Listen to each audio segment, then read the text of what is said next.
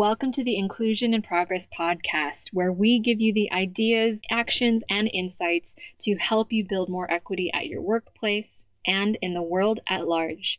I'm your host, Kay Fabella, international expert on diversity, equity, and inclusion, a Filipino American living in Spain, and your guide in navigating this DEI journey. Having worked with teams at companies such as Philips, the IMF, Red Hat, PepsiCo, and more, I know firsthand that the work of inclusion only works when everyone has a seat at the table. Regardless of your personal entry point into this conversation, your race, ethnicity, gender, ability, age, sexual orientation, country of origin, or educational background, we all have a role to play in creating inclusion for all. And it starts with us having conversations we need to create the change we wish to see. So let's dive into today's episode.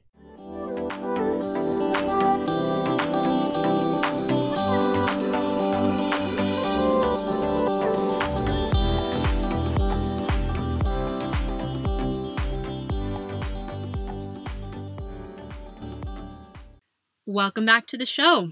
We are now coming up on the end of February this week. Wow. Did that fly by for anyone else? it definitely did for me. This happens to me every year. January feels like an eternity, and February just goes boop, straight through. no, but I've had plenty on this side of the world to keep me busy between Galentine's and Valentine's Day celebrations with my Spanish husband hobby. And of course, we included our cats, don't worry. I've also been hard at work with my corporate clients, especially in the tech and fintech industries, to deliver their D&I solutions for them, especially looking at Black History Month and our upcoming International Women's Day, which is right around the corner. Can you believe it? So there's been plenty to keep me busy. Probably another reason why this month has flown by. but my stuff aside, I'm really glad to hear so many of you enjoying these latest episodes as we move towards action steps that minority professionals like you can take to step up as the leaders we need to make our workplaces and our worlds more inclusive. But before we dive into the episode, I really want to read a message that Team Kay passed along. It was a lovely email that we had come in from a podcast listener, Janet, who wrote in to say, I'm really finding your podcast useful, Kay. Thank you for shedding light on these topics and having these conversations, these much needed conversations about diversity and inclusion. I'm learning a lot. We are so appreciative of every single message, every share, and especially, I know I sound like a broken record here, your reviews on iTunes. So, if you are loving what we're doing with Inclusion in Progress, you know the drill. I know I'm saying this over and over, but really, since most folks discover podcasts like ours through iTunes, having ratings and reviews really helps boost us to get us in front of the eyeballs and earbuds. I guess earbuds might be more appropriate of the people who'd most benefit from these conversations about inclusion. So if you haven't already, please head to iTunes and leave a review for us. And of course, we will feature you on our next round of shoutouts here on the podcast. So now that we're coming up on the end of Black History Month, I have to share that I have been having many more discussions about diversity and inclusion with my non minority peers, with my corporate clients, and my colleagues, specifically around how they want to engage in conversations about diversity and inclusion, but that they don't necessarily know where to start, or that they don't want to be called out for not knowing the right terminology or that they don't want to be misinterpreted for their intentions as having some type of white savior complex for adding their voice to the conversation when they are hyper aware of not wanting to silence underrepresented voices when they speak. First of all, if some of you who have shared these conversations with me are listening, I really do want to, namelessly, commend you for the awareness and attention you are paying to your own role in building systemic inclusion. I've shared this several times on the podcast, but I believe in this all hands on deck approach to D&I. And yes, the majority of the work is still going to continue to fall on minority leaders like us to fight for and advocate for our own inclusion in the companies that we work for. The truth is, we need allies and advocates from across the spectrum to be fighting alongside us. If all we're doing is calling potential allies out for the ways they're falling short, we're losing out on the much needed support that we need in our corner. At the same time, I also realize that doing this work, it's exhausting AF. the last thing I want to hear is that both minority professionals and our non minority allies are burning out in this fight for inclusion on top of our day jobs. The conversations we need to have are going to be uncomfortable, as I've shared in earlier episodes of this podcast, and they're going to require imperfect leadership, and it's most definitely going to be a marathon, not a sprint. But as my dear friend Chloe says, you don't just get one opportunity to be inclusive. You get to decide on your own individual actions and choices to contribute to a more equitable organizational culture for you and your colleagues to bring your full selves to work. So, for today's episode, as we come to the end of Black History Month, I want to focus on the topic of allyship. And I want to make caveat here it's not just for non minority white male and female cisgender allies, but for those of us who fall into minority groups ourselves.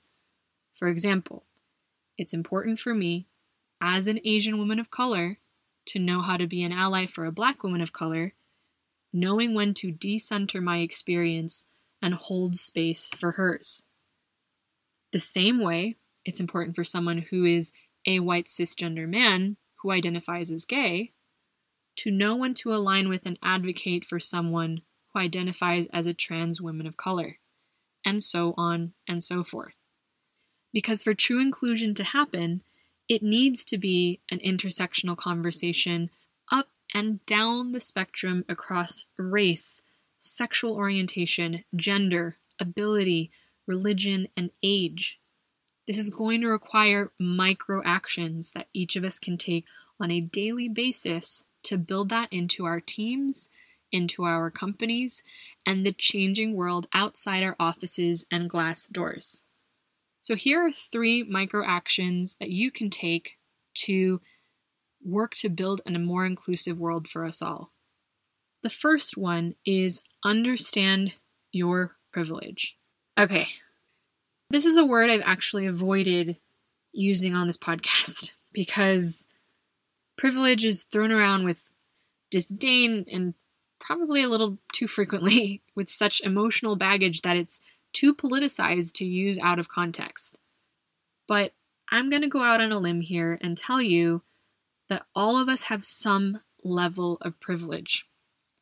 And refusing to acknowledge or recognize how that affects us is preventing us from having meaningful conversations about inclusion and being allies to those who need us. So here's a running list of some privileges, there's that dirty word again, to consider. All right. Are you white? Are you cisgender, meaning you identify as the gender you were assigned at birth? Are you able bodied? Are you someone who has never suffered from mental illness? Are you of similar age to your colleagues? Is English your first language? Have you had to change teams or workplaces because of harassment? Were you born in the country you live and work in? Do you have a university degree? Do you feel welcome at networking events, group projects, and meetings? Are you someone who is not interrupted or ignored in meetings because people automatically assume your seniority is lower than it is? Do you have stable housing? Are you able to speak openly about your significant other at work? Are you someone who can observe your religious holidays without having to use your vacation days? Are you someone who's been told you wouldn't be promoted in a job based on your age, gender, or sexual orientation? Do you feel safe going home late at night? These are just a handful of questions to consider. When you are able to accurately identify what levels of privilege you have, instead of privilege does not mean that your life is somehow automatically easier. It just means that you have certain advantages that other people don't.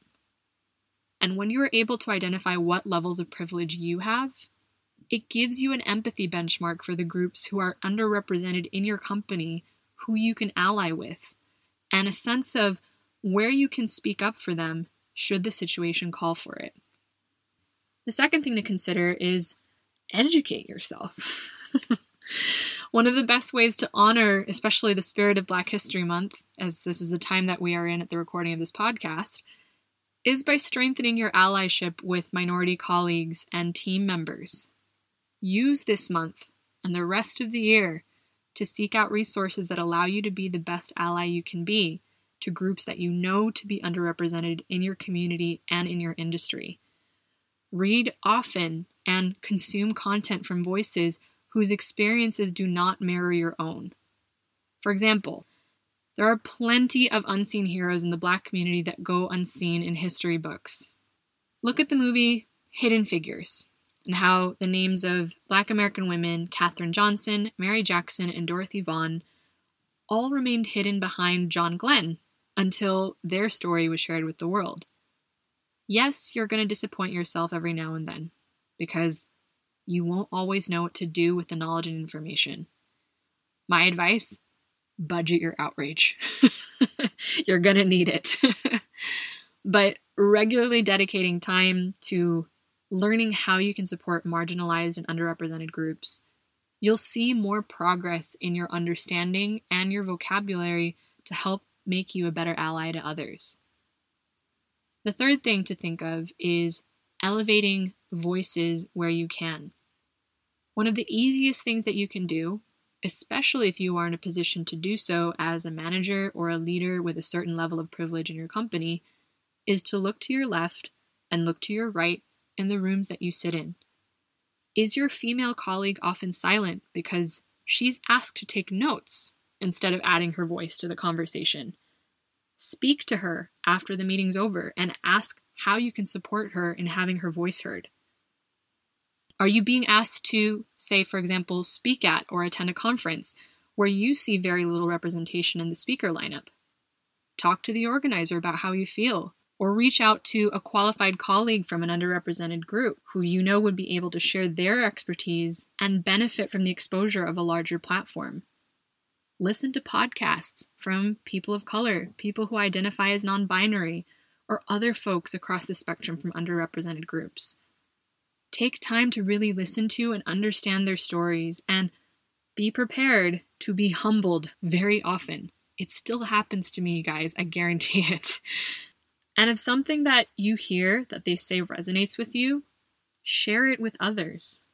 Whether you do that in a public setting or with your inner circle of close friends and colleagues, it really does help to shed light on the hidden storytellers. And if you have the benefit of knowing someone who is actually from a traditionally underrepresented group and can count on them as a peer and as a friend, ask them questions and really listen. Listen to what they have to say about their individual experience as well as the collective experience of the group that they identify with. Ask for resources so that you can learn how to be a better ally. And most importantly, give them a platform or give them space to express themselves as they share stories that maybe you have not necessarily lived or experienced yourself.